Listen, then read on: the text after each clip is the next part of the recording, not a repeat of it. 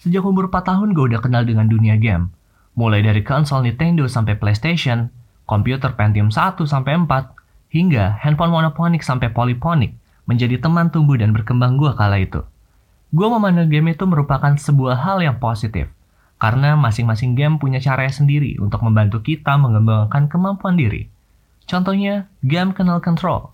Game ini gue mainkan pada pertengahan tahun 2007 di handphone Nokia seri 3500 klasik. Tujuan dari game ini adalah kita harus memilih dan menyambungkan pipa satu dan lainnya pada sebuah keran air, hingga aliran air yang keluar ini mampu menuju tempat yang sudah ditentukan. Sore tadi, sewaktu memperbaiki mesin air, ayah gue sedikit kesulitan untuk meletakkan pipa agar mesin tersebut bekerja dengan sempurna. Akhirnya, gue mengaplikasikan kemampuan gue bermain kenal control pada kehidupan nyata, dan itu berhasil. Membuktikan bahwa bermain game mampu membuat pemainnya memiliki kemampuan yang tidak dimiliki oleh orang lain.